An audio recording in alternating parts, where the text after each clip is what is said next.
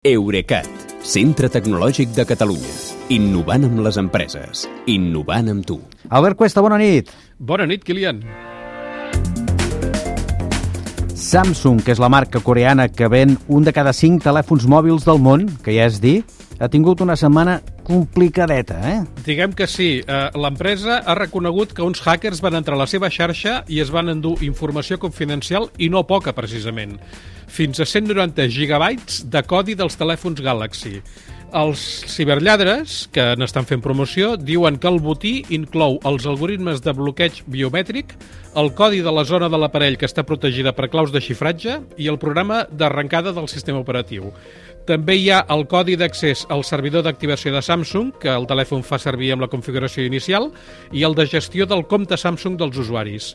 Uh, Samsung no ha confirmat, de fet, la, que la magnitud de la, de la tragèdia sigui aquesta. Uh, només reconeix que sí que ha patit una intrusió i assegura que ni li han robat dades personals dels clients ni dels empleats. Però, de fet, que algú estigui oferint a la web fosca moltes de les tecnologies i algoritmes propis de Samsung és com que algú estigui regalant al mig del carrer les joies de la corona de l'empresa.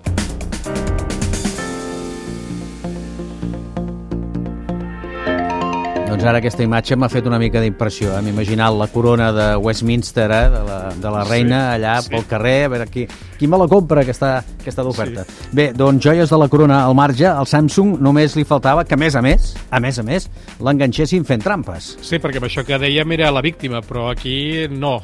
Uh, una web coreana ha descobert que alguns models de telèfon de Samsung, sobretot els Galaxy S21, frenen artificialment el processador per tal que la bateria de l'aparell duri més. En diuen sistema d'optimització dels jocs i apaga alguns nuclis del xip quan detecta que l'usuari està fent servir alguna aplicació d'una llista que co- conté més de 10.000 títols. Hi ha videojocs, però també hi ha Instagram, Netflix, Microsoft Office i fins i tot aplicacions de la mateixa Samsung, com la carpeta segura i Samsung Pay. Uh, deixa'm dir-te que aquest sistema podria ser legítim si no fos per dues coses. Uh, una, que l'usuari no se li dona opció de triar si prefereix que el mòbil vagi més ràpid o que la bateria li duri més. Ja? Les- i l'altra, que en la llista d'aplicacions penalitzades, mm, curiosament, no hi ha les que serveixen per provar la velocitat del telèfon. O sigui que el proves i sembla molt ràpid, però després quan el fas servir amb aquestes aplicacions no ho és tant. No ho és tant, curiós. No.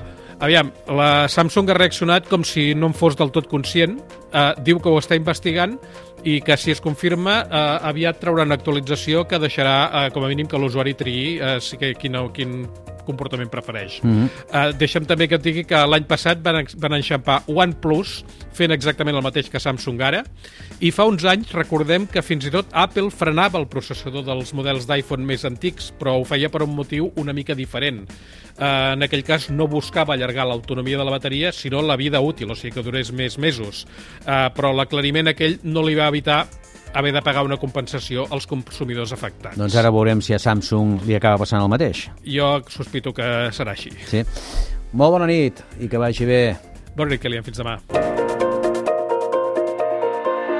Eurecat, centre tecnològic de Catalunya.